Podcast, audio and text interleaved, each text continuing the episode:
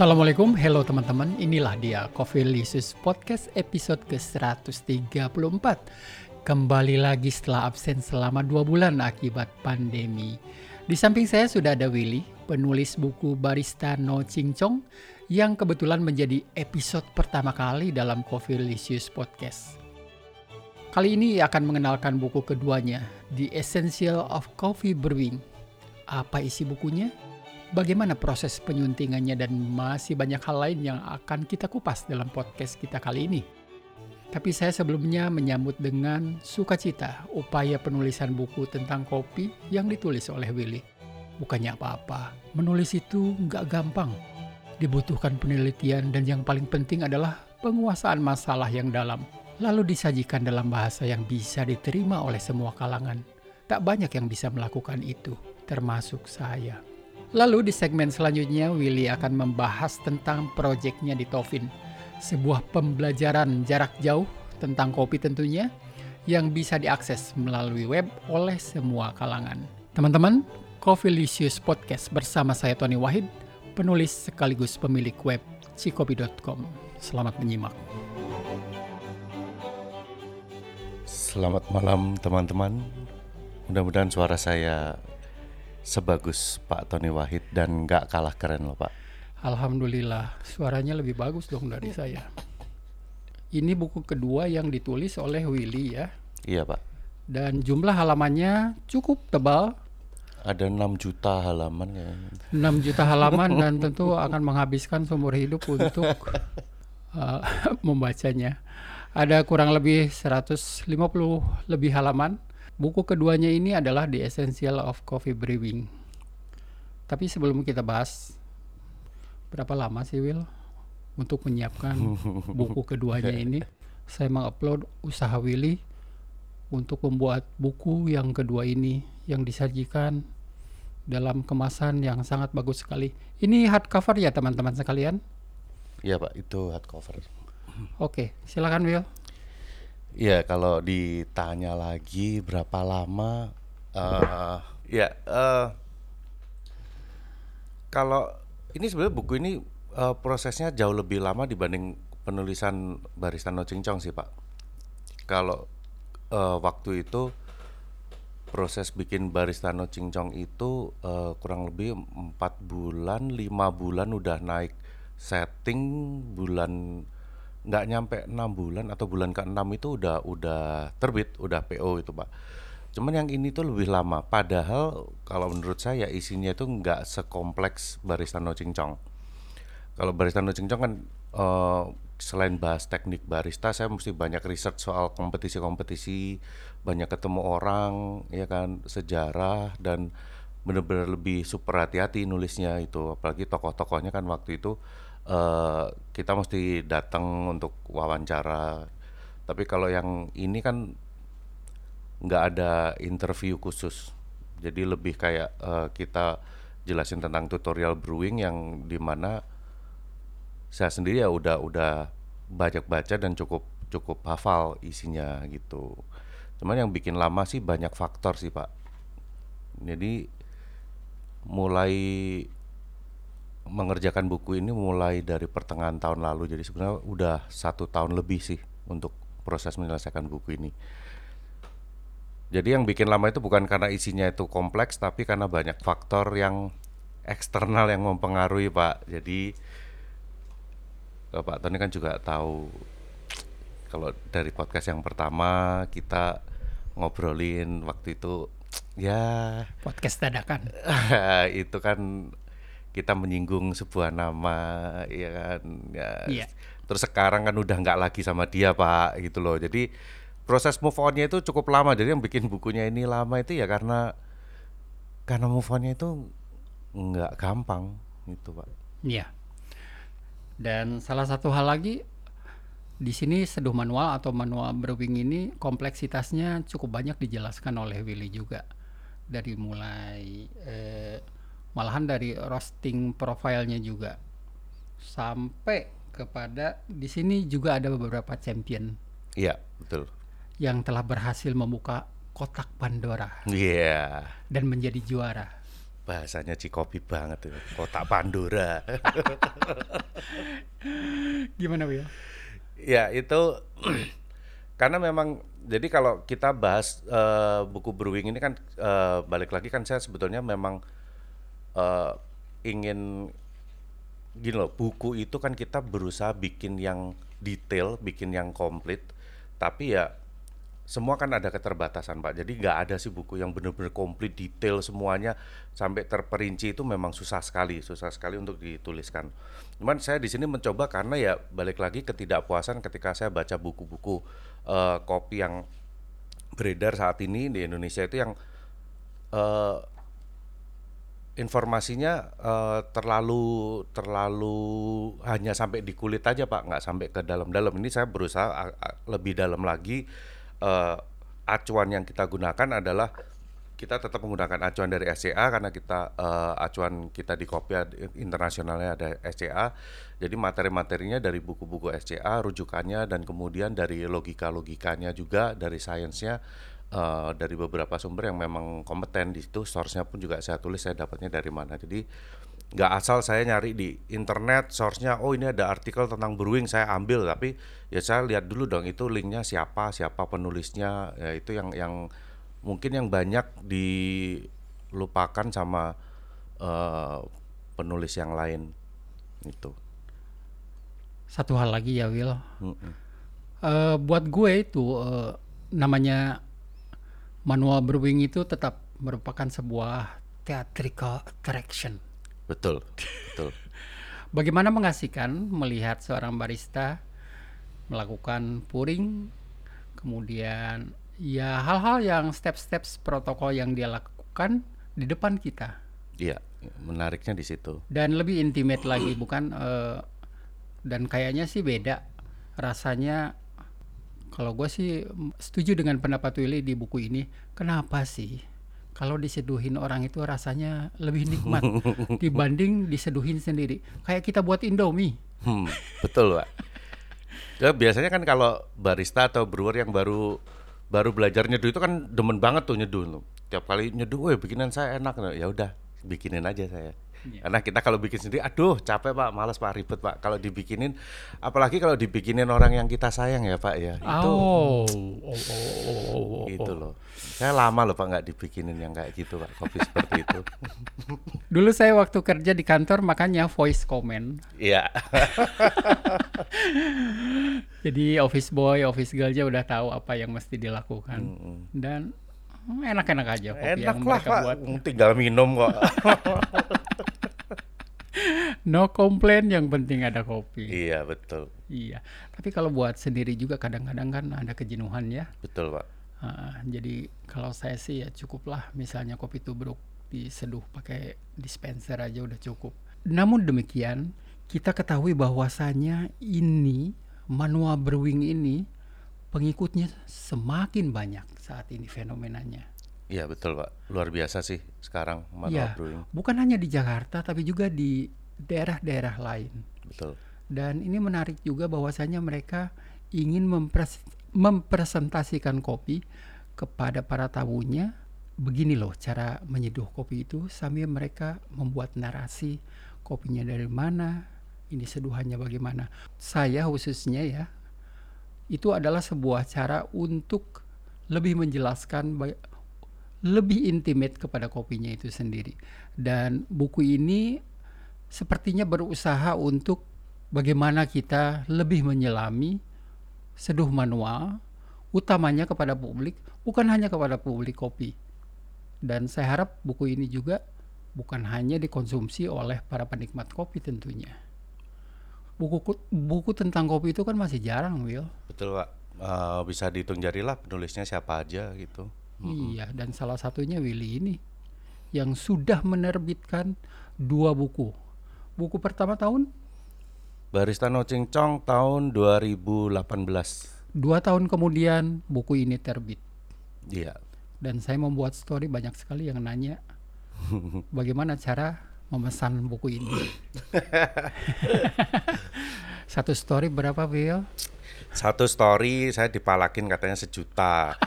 Terus setelah di post storynya memanjang jadi dua story. Jadi kayaknya saya mesti ngabisin 2 juta buat ngasih Pak Tony. Nanti dicicil ya Pak. Saya berusaha mensupport teman-teman kopi termasuk Willy untuk juga menyebarkan informasi tentang buku. Buat saya buku tetap adalah salah satu puncak intelektualisme yang harus kita hargai. Apa pun isi buku tentang kopi itu. Amin, mudah-mudahan bermanfaat. Iya dong.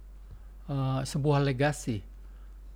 Gua aja belum bisa sampai membuat sebuah legasi yang sudah Willy buat. Tapi Pak Tony itu nggak perlu sampai ngeluarin buku orang juga udah pasti baca tulisan-tulisannya yang di Cikopi itu berapa orang Pak udah terinspirasi Pak termasuk saya saya nulis ini ya awal-awal saya waktu bikin barista no cincong saya referensi saya juga banyak dari Cikopi juga Pak sama aja ya. gitu makasih apresiasinya dan kembali ke topik tadi saya sudah sebutkan jadi kapan ini launching Ya, uh, untuk launching resminya jadi kan masih kita belum sampai belum bikin planningnya tapi kita udah sempat bicarakan sama pihak uh, Hario dan Tovin karena ini kan uh, buku ini kan juga uh, disupport juga oleh Tovin dan juga Hario. Jadi ketika waktu itu mereka juga sempat bilang, "Oh ya udah kalau gitu kita bikin untuk acara uh, launching bukunya bisa di Hario Cafe atau bisa kolaborasi dengan Tovin seperti itu." Cuman uh, masih belum uh, ke situ lagi karena kita masih fokus untuk pre-order dulu pak. Oke. Okay. Gitu. Jadi nanti uh, akan ada link atau apa nih? Iya link pak. Link, link yang bisa diklik buat teman-teman untuk memesan buku ini. Harganya berapa Bio? Harganya cukup terjangkau ya 165.000 untuk buku hardcover. Jadi kita sebisa mungkin di bawah 200.000 pak. Iya dong. Tapi untuk harga segitu Anda sudah mendapatkan ini pendapat saya ya uh, sebuah protokol kompleksitas seduh manual atau manual brewing yang begitu lengkap dan sama sekali buku ini tidak menggurui tidak mengatakan bahwasanya ini benar ini salah sebenarnya nggak bukan masalah salah benarnya balik lagi ya pak ya karena kopi kan ya mau diseduh kayak gimana pun juga juga yang nggak ada salahnya sebenarnya. Cuman kan di sini yang mau dijelaskan adalah kita minimal kita tahu kenapa sih kita melakukan hal-hal itu. Itu yang paling penting sih sebenarnya. Jadi itu kita lebih bukan buku ini bukan tentang how to ya sebenarnya ya. Jadi iya. kayak kita ngebahas tentang air, kenapa air itu mesti suhu sekian, terus kenapa grind size ini sekian, sampai kayak tadi Pak Tony bilang di situ uh, kita singgung juga, juga soal roasting profile, karena memang roasting profile ini sangat berhubungan sekali dengan uh, proses penyeduhan juga. Dari situ kita juga jelaskan kayak roasting profile yang gelap ini dia cenderungnya apa sih? Oh, jadi karena kalau umpama dia roasting profilnya lebih gelap, dia tingkat kerapuhannya akan lebih tinggi. Dengan tingkat kerapuhan lebih tinggi, berarti untuk uh, extraction rate-nya dia akan semakin lebih cepat. Jadi ketika kita nyeduh kita mesti ngapain nih? Nah, kayak begitu, Pak. Jadi kalau orang pakai timbangan digital, tahu apa maksudnya menggunakan timbangan digital, bukan hanya sekedar oh timbangannya mesti segini segini ya iya, udah. betul. Gitu ya mungkin maksudnya. Jadi banyak Pak. Jadi kalau saya ketemu sama brewer gitu kan saya kan cuma nanya, lo kalau bikin kopi pakai timbangan? Oh pakai. Uh, suhu diukur, diukur. Uh, waktunya dilihat. Iya, waktunya kita uh, menitin itu. Ngapain? Ngapain kalian pakai timbangan? Ngapain kok diukur suhunya? Kadang gitu aja mereka nggak bisa jawab. Iya, kenapa ya? Ya biar lebih enak. Emang kalau nggak pakai timbangan kopinya nggak bisa enak? Iya juga ya. Uh, biar uh, ini, biar presisi biar pas kan ada rasionya tuh. Kita ukur tuh rasio satu banding berapa. Oke kalau mama nggak usah diukur rasionya kita kira-kira aja kayak zaman dulu. Emang kopinya nggak enak?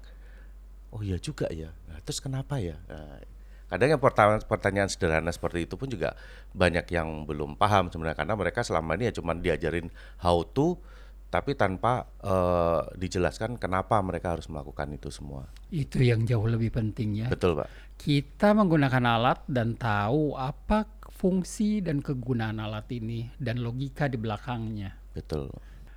Terus yang menarik lagi adalah, nah ini dia nih.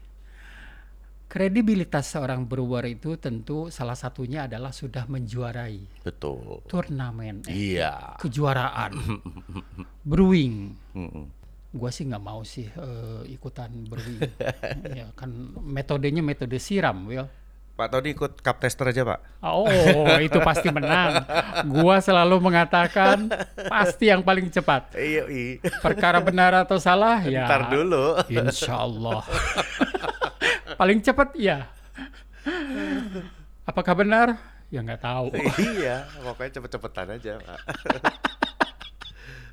Dan eh, para juara ini tentu sudah punya kredibilitas yang tadi gue katakan bahwasanya mereka sudah berhasil.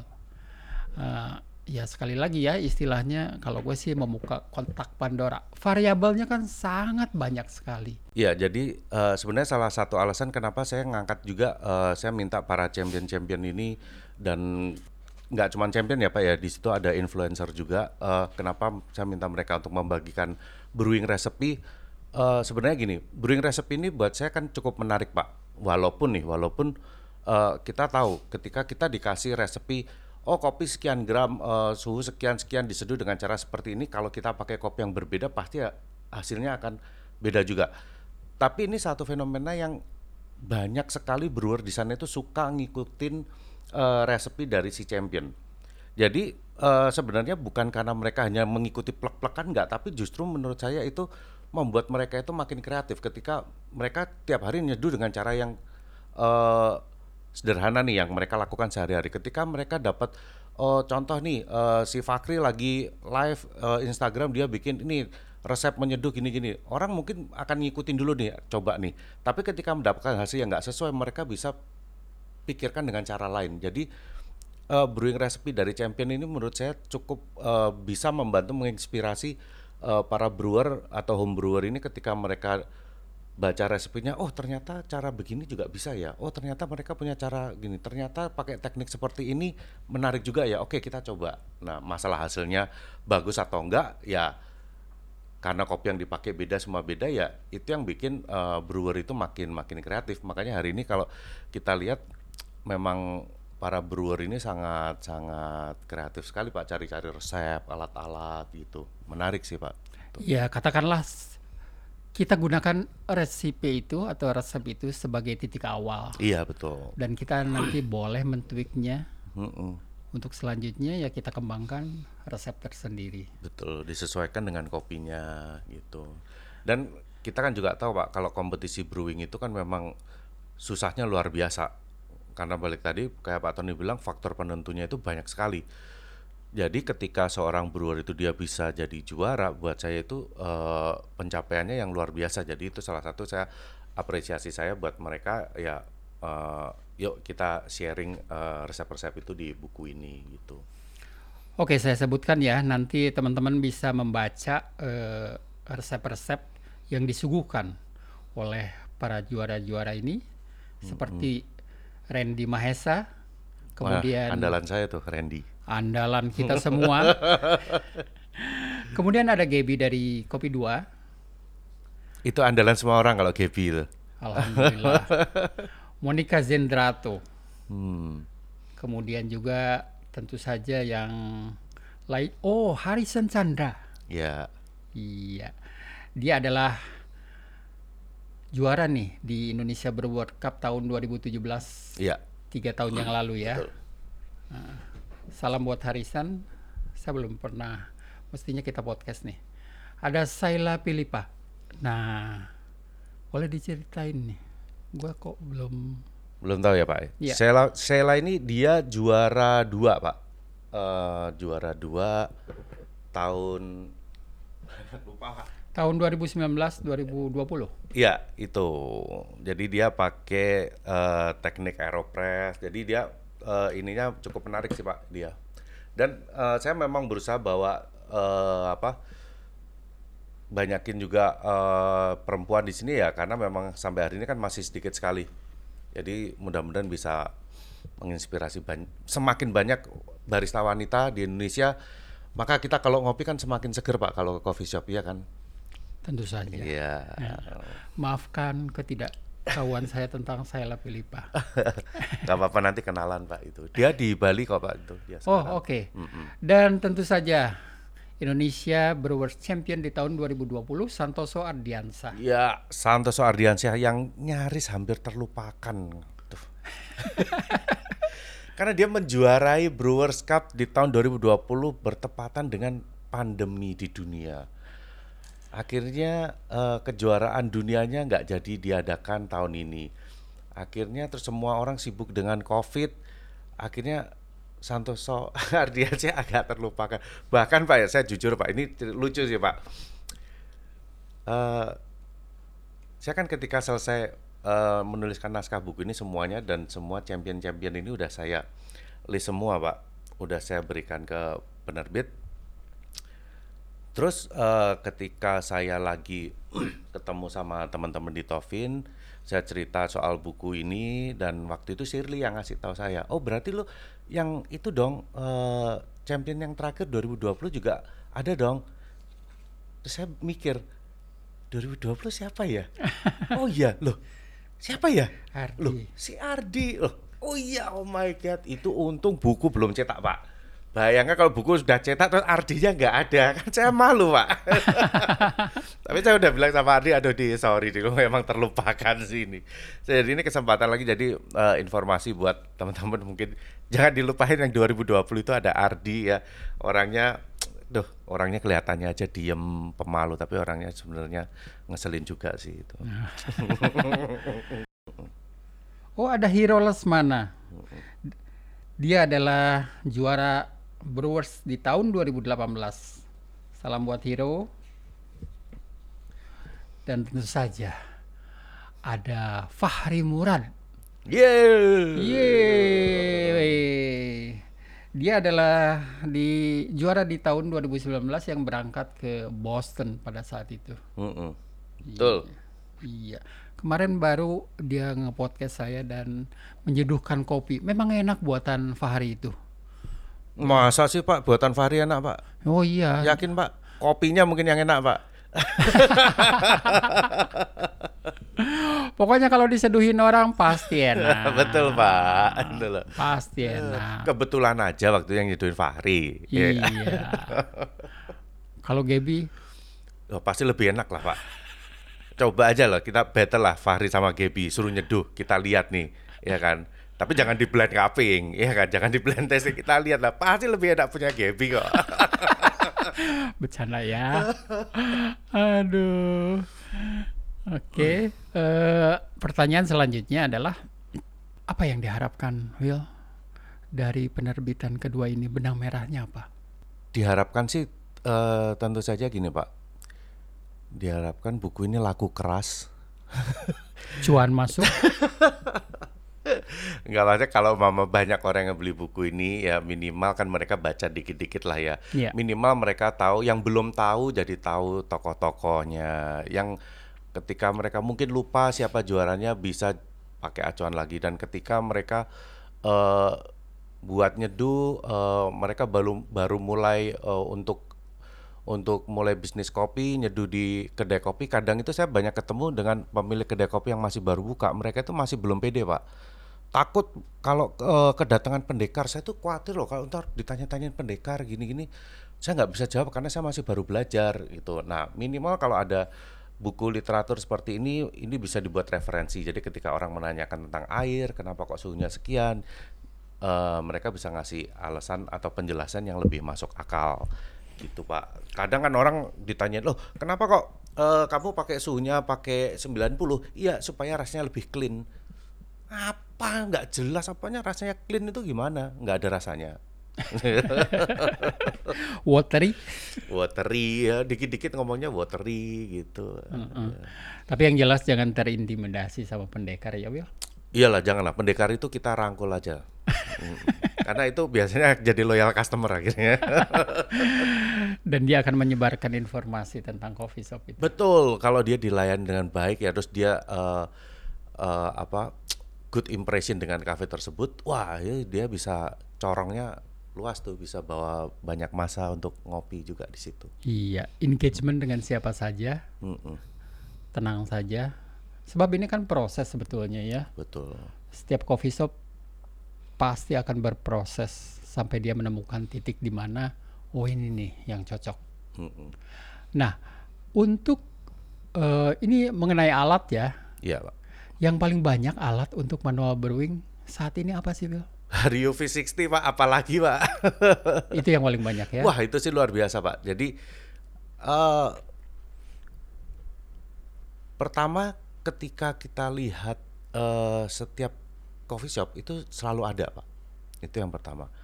Terus yang kedua eh ketika eh, kita ngobrol dengan teman-teman dari Hario Indonesia, eh mereka lihat angka penjualannya setiap bulan itu itu sih gila-gilaan sih pak. Itu eh, V60 itu setiap bulan itu eh hitungan ribuan loh pak itu. Yang dijual, alatnya iya alatnya yang ya. terjual itu hitungannya itu. Alat. Jadi se Indonesia itu maksudnya saya mungkin nggak tahu ya mungkin orang udah punya satu tapi masih pengen beli lagi kayak gitu pak. Jadi hari V60 saat ini masih tetap yang paling populer pak. Jadi kenapa itu juga alasannya kenapa cover depannya itu ya eh, ilustrasinya dari Hario V60 kalau Kalita Wave Kalita Wave eh, cukup populer tapi nggak sebanyak V60 Tetap ya, pak. Iya, V60. tetap nomor satu masih V60 karena eh, penggunaannya jauh lebih mudah, cari papernya juga lebih mudah, lebih murah, hampir rata-rata di mana aja. Saya dulu juga cukup suka pak sama Kalita pak, tapi kadang eh, ketika filternya habis, kadang nyarinya agak susah gitu, nggak semua tempat ada gitu. dan cukup mahal. Ya dan lebih mahal dikit lah itu Iya, ya. ta- Tapi seksi buat difoto itu, Bill. Oh kalau buat di foto Kemek sih pak kalau saya Pak. Wah, setuju, setuju, Iya. setuju, setuju. Buat foto Iya, mahal juga. mahal pak makanya kalau di cafe saya eh, di sidewalk eh, harganya beda kalau pesan pakai Chemex itu beda Iya. lima ribu gitu karena kertasnya lebih mahal Lebih mahal itu. Tapi di kafe jarang ya orang pakai Chemex ya. eh iya nggak terlalu Nggak terlalu. terlalu Kecuali mungkin eh, Aeropress. Aeropress Aeropress itu cukup populer pak cukup populer Eh, saya pun juga lihat hampir rata-rata itu di coffee shop itu selalu ada Aeropress. Tapi yang order itu jarang banget. Order kita Aeropress. iya orang pesen eh, single origin coffee eh minta pakai Aeropress ya. Itu sih waduh nggak tahu ya perbandingannya. Kayaknya sedikit banget ya pak. Kenapa ya? nggak tahu ya mungkin jadi Aeropress itu lebih populer buat si brewer-brewer sendiri. Jadi kalau mereka eh, mau bikin kopi pakai Aeropress mereka pakai Aeropress. Tapi kalau eh, dari customernya sendiri kayaknya nggak terlalu banyak deh. Jadi tetap Aeropress. V60 yang merajai manual Betul, brewing di Pak. Indonesia, itu luar biasa sih. Kayaknya di dunia juga sih pak. Di dunia juga ya. sepertinya ya. Cuman kan saya nggak tahu datanya. Dan kompleksitasnya bisa ditweak sana sini. Betul ya. Lebih mudah lah itu pak. Dan kalau buat saya sih makanya kalau eh, kopinya eh, selama kopinya proper ya kopi yang memang buat filter eh, mau yang nyeduh siapa aja pakai V60 dengan rasio yang aman contoh let's say rasio 1 banding 15 saja udah deh mau diguyur kayak gimana pun hasilnya sih tetap oke gitu loh. masih Iya, setuju. aman-aman aja gitu tapi bayangkan kalau aeropress salah dikit apa salah grind size atau salah apa udah hasilnya udah mulai Hancur. kacau iya iya susah sekali itu sangat tricky Iya. Wow, V60 ya yang paling banyak. iya Dan filternya juga banyak sekali dan opsinya lebih banyak. Ya dan sekarang filter-filter V60 kan juga eh, banyak yang mulai produksi eh, pakai eh, merek-merek indep- independen gitu. Iya. Itu mulai ada itu karena yang memang lebih populer gitu. Iya. Dulu ya waktu pertama kali si V60 datang eh, teman-teman datang ke di sini sampai Irfan, Adi Mm-mm. melihat sebuah kerucut plastik dan begitu emes bagaimana alat sebuah alat yang simple ini bisa menghasilkan kopi yang dalam tanda kutip kok bisa enak ya Iya. Itu tahun berapa ya Pak? 2010 ya? ya 2010 Ya. pertama kali datang di Indonesia dan sebelumnya kalau kita mau beli kita harus misalnya belinya Hario waktu itu masih belum jual secara online. Eh, maksudnya di Jepang atau Korea. Hmm. Salah satu toko yang menjualnya adalah Sonoma di San Francisco. Mahal wo ongkos kirimnya. Dan kita cuman ya ongkos kirimnya berapa. Iya. Dan pada saat itu Pak Kasmito mendatangkan Hario V60. Mm-mm, Boom.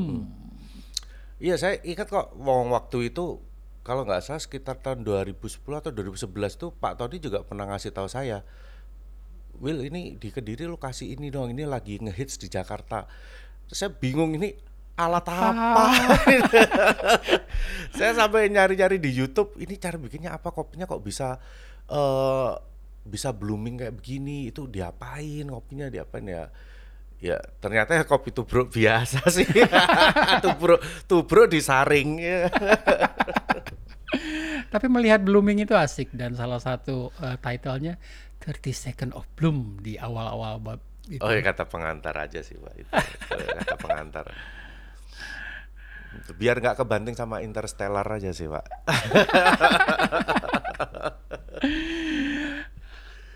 Memang mengasihkan kalau melihat blooming kopi di V60 itu ya. Mm-mm, Rasanya wah.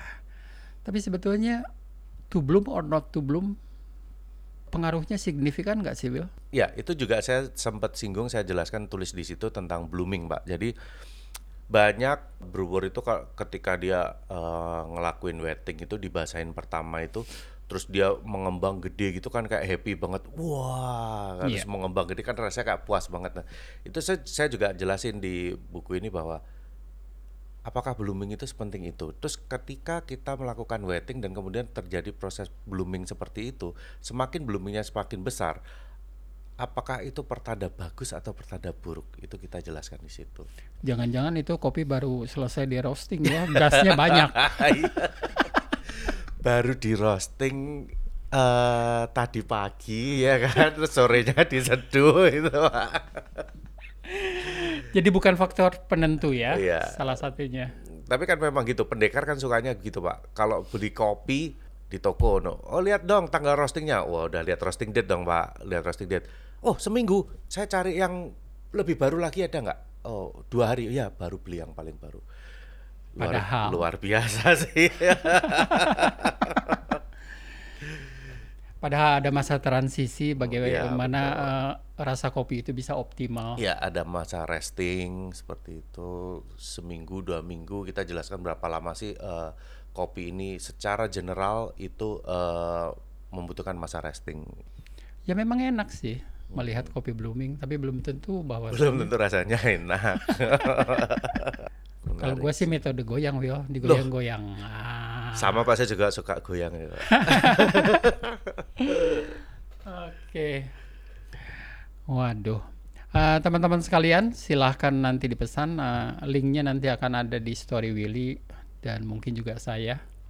Asik. Iya, Asik. lumayan lah. Berapa pak? Sejuta pak? Sejuta. Story doang pak? Story doang. Eh, Ingat loh teman-teman Pak Tony ini makin lama makin mahal loh. Jadi buru-buru kalau mau minta eh, endorsement sama beliau ya. Mumpung belum naik ya.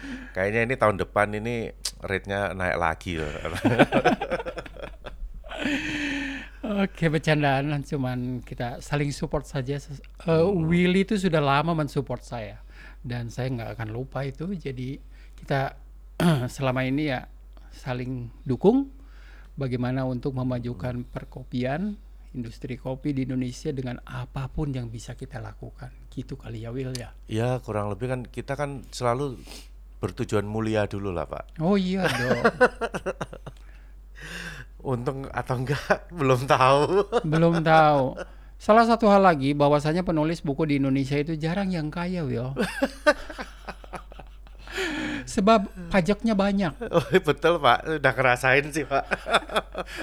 Udah royaltinya menunggu waktu untuk cair, kemudian dipajakin pula. Ini pemerintah nih tugasnya bahwasanya royalti itu mestinya tidak dipajakin dan hal yang lainnya juga bahwasanya perlu juga disubsidi dengan banyak sekali insentif supaya banyak lagi penulis-penulis yang mau mencurahkan ide dan pemikirannya dalam buku khususnya tentang kopi di Indonesia. Betul.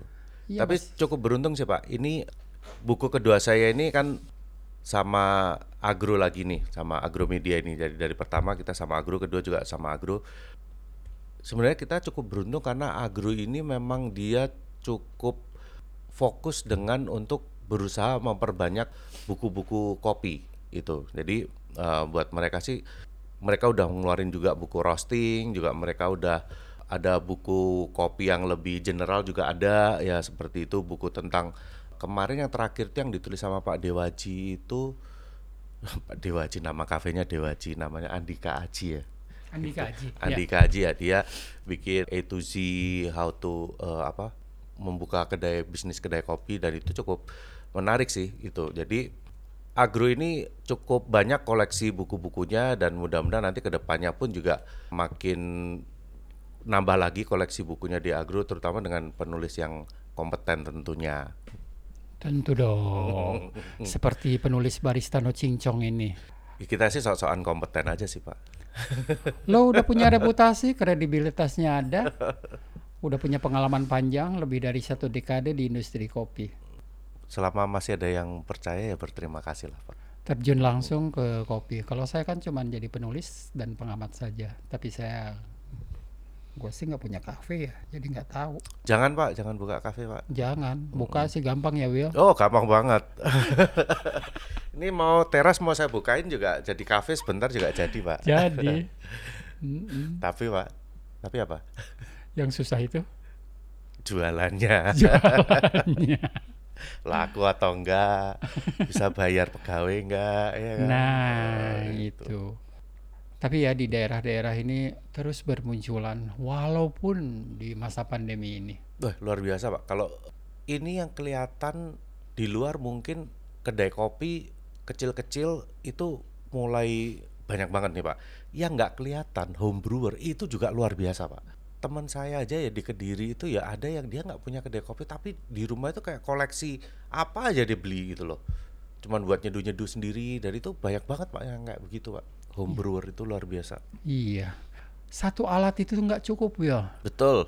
Jadi kita berbagai macam alat seperti gua juga sama. Walaupun nanti alatnya yang dipakai ya itu-itu aja sih sebetulnya. Mm-mm. Mm-mm. Ya jauh-jauh ya ditubrukin aja. Ditubruk terus disaring Oh iya. pakai V60. V60 selesai. selesai tinggal buang kertasnya kan. beres Beres. Mm-mm. terus sama ini pak eh sekalian mau nyebutin juga bahwa di buku ini eh, selain kita membahas tentang brewing kita hadirkan champion-champion ini jangan lupa foto-foto yang ada di dalam itu hasil bidikannya Isman Ramadan sendal Isman- jepit masjid Sendal jepit Masjid Isman Ramadan. Ya, ya dia udah jadi fotografer dari buku saya yang pertama Barista No Cincong. Terus yang kedua ini juga dia mau bantu lagi. Saya sih berterima kasih sekali sama Bang Isman. Eh, Bang Isman, Bang Isman ya. Man, thank you ya Man ya. Kalau lu Iya. denger. Iya iya iya. Jadi kita saling support ya Will ya. Iya betul saya sih Isman sih membantu saya cukup banyak sih itu. Walaupun kadang habis moto-moto saya cuma bisa traktir dia pizza doang atau KFC. Ya. Dan sesekali ngedumel. Kok ngedemul terus dia ngedemul ya. Bukan sesekali ya. Eh, selalu kok dia, tapi ya nggak apa-apa gitu. Dia tetap support sih. Thank you banget. Iya Isman teman kita yang sudah cukup lama itu. Iya. Mm-mm. Sekarang udah jualan susu pak ya. ya. Alhamdulillah kalau begitu. Jadi tukang susu ya. Tukang susu ya. Mm-mm. Bisnisnya sudah beyond the coffee. Betul dia dia sudah eh, memikirkan apa yang nggak pernah dipikirkan orang selama ini. Itu Waktu bagus. ya. Kita ngomongin yang jago kopi banyak nih hari ini. Yang jago susu cuman Siapa? Isman doang. Yoi, tidak ada lagi yang Iya. mendalami Betul. persusuan. Persusuan ya. Ya. Kita off topic. Off topic, di luar topik nih. Mau topik apa nih, Pak? Ya pengalaman kita aja waktu membuat video. Oh, Ngos-ngosan. Gini ya, di usia yang sudah tidak muda lagi ini setengah abad, kalau diajak jalan-jalan membuat video sampai ke pasar panas-panasan, aduh itu perlu energi yang luar biasa. Iya, iya, jadi minggu lalu nih saya ngajak Pak Tony itu untuk syuting video untuk membahas tentang evolusi kedai kopi di Indonesia ya Pak ya. Iya.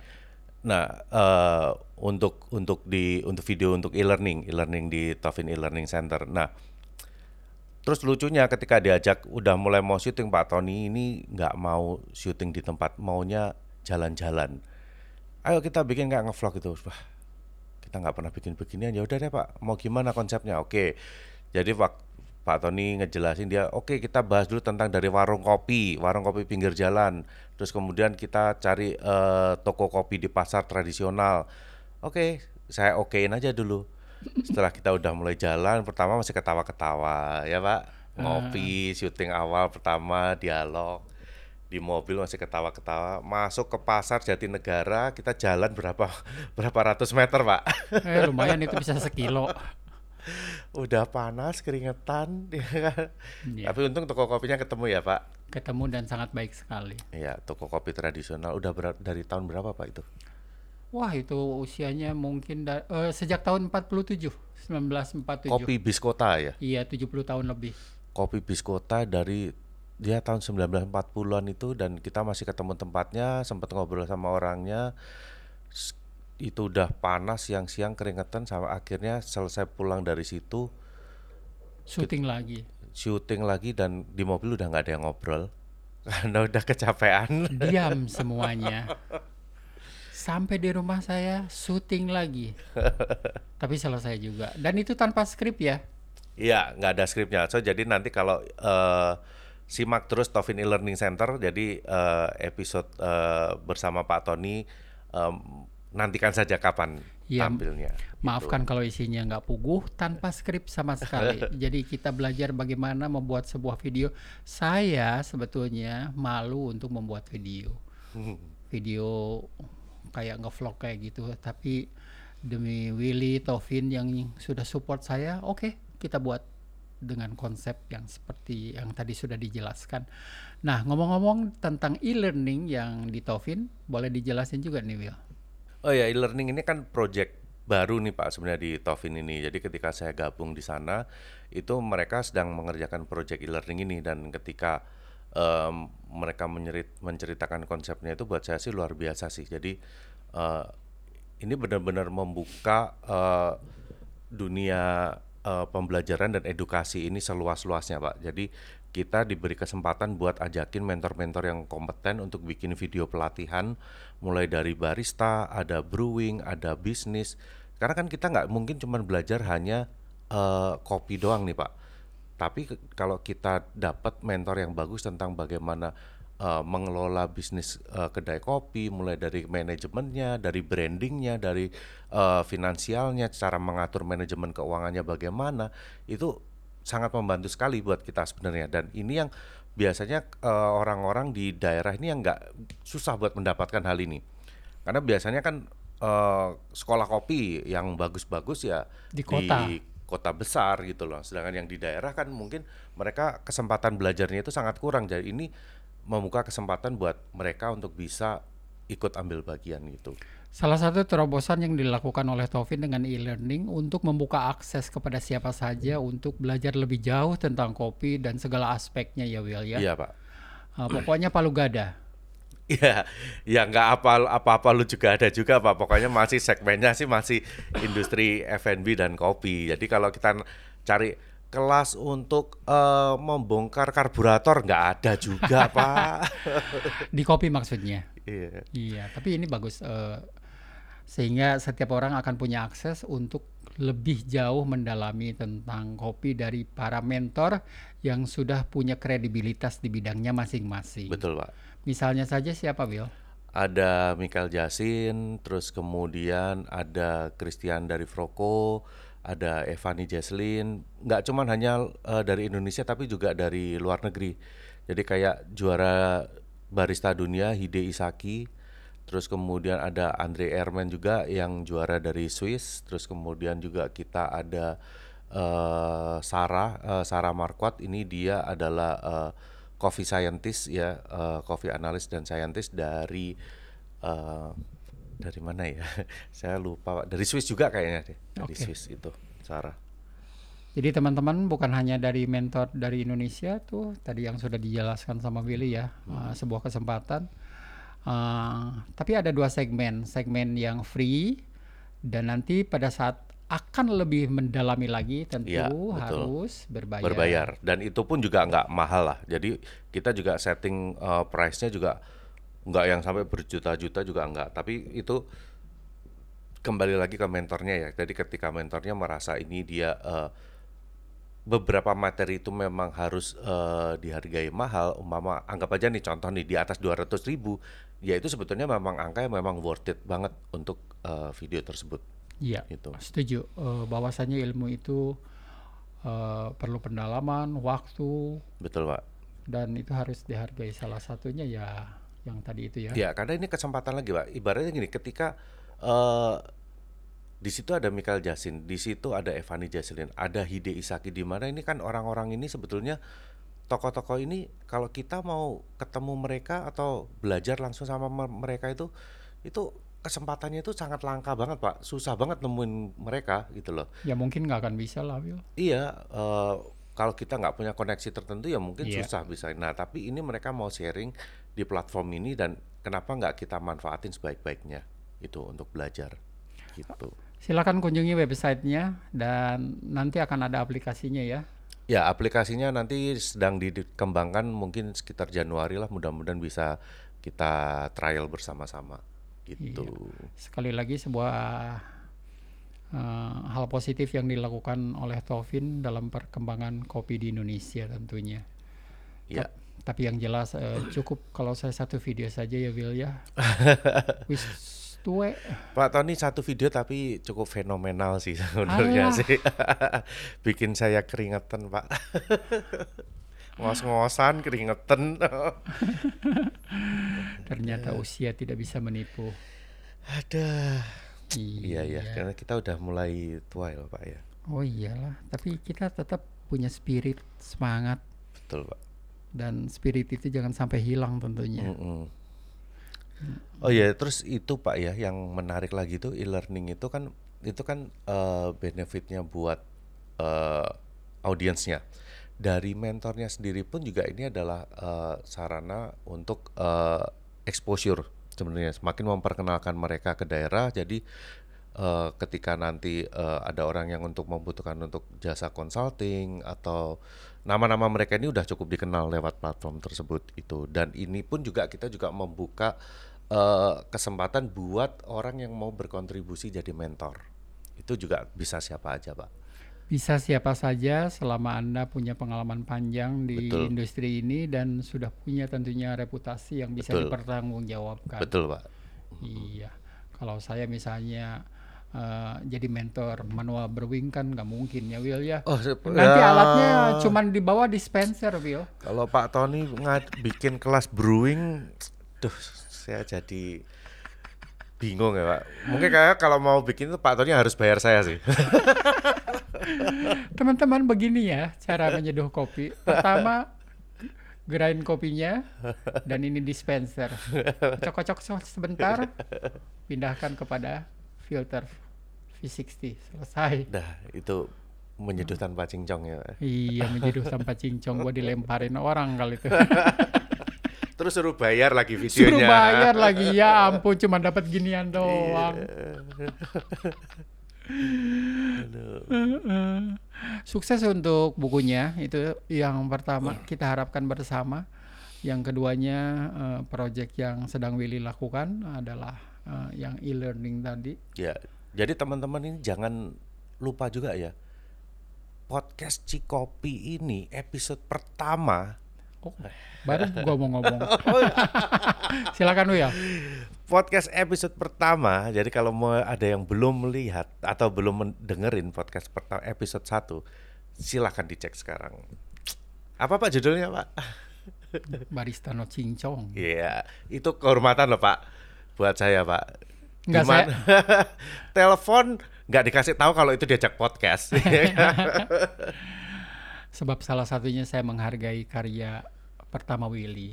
Wah, terima kasih. Makanya saya ajak podcast untuk pertama kali. Walaupun hanya lewat telepon. Kali ini kita audionya tentu eh, diusahakan lebih bagus lagi. Iya, waktu itu saya kan sempat ngiri pak. Wong eh, yang diajakin podcast yang berikutnya kok udah suaranya bagus-bagus. Podcast saya pakai telepon. yang bagus suaranya Pak Tony doang nih. Kan kita harus selalu eh, berkembang ke arah yang positif. Betul pak. Iya, jangan diam di situ aja ya, Will. Mm-mm.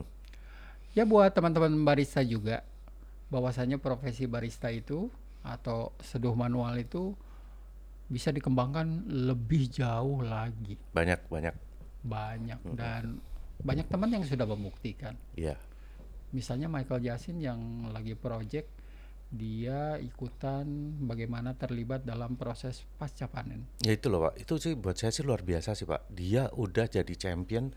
Dia udah jadi juara empat dunia dan hari ini harusnya ya dia menikmati kejayaannya dia ya. Tapi yang dia lakuin sampai hari ini dia tetap berkarya. Dia tetap berusaha eh, membuat berbagai terobosan dari eh, sisi yang dia sukai. Karena dia kan hari ini suka banget di processing nih. Iya. Di processing dia, aduh kemarin apa catur itu dia bikin Ya itu. project catur. Project catur. Saya aja nggak ngerti project catur ini apaan nih. Kayaknya saya perlu ketemu Miki juga nih buat Iya. nanya ini. Nanti kita akan podcast juga dengan eh, Miki tentang proyeknya yang akan di launching bulan November ini. Ya itu sih luar biasa. Jadi walaupun ketika kita udah eh, jadi juara, jadi champion, tapi eh, ya tetap harus harus berkarya, harus tetap menghasilkan hal-hal baru yang bermanfaat buat orang lain. Tentu. Dan Salut sih. Salut Mik. yuhu. kita jangan hanya diam di tempat. Betul Pak. Jalan-jalan ke Jatinegara Pak. Oh, teman-teman harus oke. Gua promosiin dulu nih kopi biskota yang ada sejak tahun 1947 ya. Tahu Cobain Pak, lupa Pak. Saya udah capek. cobain ke sana beli kopinya dan ini adalah kopi tradisional dan kopinya enak kok. Mm-mm. Yang arabica itu saya seduh setiap hari juga. No complain. Itu digiling halus banget gitu kan Pak? Digiling Kopinya. halus banget makanya dalam fisik sih ya saya guyur aja. Iya kalau halus banget gitu saya biasanya ya nggak pakai fisik sih Pak, ya ditubruk biasa. Kan dia cepet cepet turun, Turun, ya ampasnya. gitu. Eh, cobain ke sana untuk bisa eh, menyelami bagaimana pada saat itu kopi ya seperti itu dibelinya ya. Ya, udah yang katanya ngomongnya selalu sok-sokan specialty coffee. Wow, saya kopinya specialty. Pernah nggak itu ke kopi biskota itu? Cari dulu. Jangan ngomong ke mana-mana saya orang specialty coffee dulu kalau belum ke kopi biskota ya Pak. Oh iya dong, itu sejarah eh, sebuah heritage yang harus kita support juga. Mm-mm. Dan pelanggannya banyak waktu itu ya, datang terus. Iya, itu kita cukup mengganggu mereka ya kita mengganggu sebenarnya. mereka. iya. Berapa kopi yang mereka jual setiap hari? Ya 50 kilo sih. Banyak ya. Itu enciknya bilang katanya sepi ya. Sepi. Tapi 50 kilo kita bingung. Ini kalau nggak sepi mereka jualan berapa ya? Iya, yang paling penting kita jangan meng-underestimate kopi-kopi seperti itu. Pelanggannya fanatik Mm-mm. dan mereka mungkin datang dari berbagai generasi. Oke, teman-teman sekalian, pesan terakhir Will. Pesan terakhir, aduh, saya nggak mau pesan terakhir Pak, karena saya juga pengen eh, besok-besok kita masih ngobrol lagi kok. Oh ya Ngapain? ini aja eh, apa ya namanya? Jangan pesan terakhir lah kayak orang mau meninggal aja. Pak belum merit Pak saya Pak, saya masih single loh. Wih, teman-teman, Willy masih single ya. Mm-mm. Oke, eh, terakhir yang ingin disampaikan? Yang ingin disampaikan ya sebenarnya saya cuma mengulang lagi eh, salah satu quote favorit dari Pak Tony Wahid ya. Jadi walaupun kita mau menyeduh kopi dengan cara apa pun, apa pun kopi yang disajikan tetap nikmati dan syukuri. Itu aja sih simpel ya Will ya. Iya sih Pak. Iya. Saya masih ingat kok Pak Tony itu ngomong ke saya itu kapan itu masih ingat kok. Dan saya malu waktu itu digituin. Aduh, ah, thanksin saya. Buat para pendekar atau para penikmat kopi, Ya itu aja sih sebetulnya pesannya. Apa pun kopi yang kita nikmati, kopi yang disuguhkan kepada kita, nikmati, syukuri Ya. bahwa kita masih bisa menikmati Betul. kekayaan kopi Indonesia. Betul sekali. Teman-teman sekalian, demikian podcast episode yang ke-134. Makasih ya Will ya sudah Terima kasih Pak Tony. datang ke Interstellar Yes. jauh-jauh dari Pluit datang ke sini. Ya, Ah, saya sangat mengapresiasi sekali sama-sama Pak. dan mari kita eh, support dengan mm, tentunya dengan membeli buku kedua yang ditulis oleh Willy di Essential of Coffee Brewing Discover Your Perfect Cup. Wis, Yes, keren kan? Keren loh. Story kedua akan muncul dengan link di mana bisa mendapatkan buku ini Iya. atau nanti di storynya Willy. Ya, eh, dicek aja di Instagram saya. Jadi nanti di bio ada link eh, di mana bisa eh, membeli buku tersebut. Sekian, terima kasih dan sampai jumpa di podcast selanjutnya.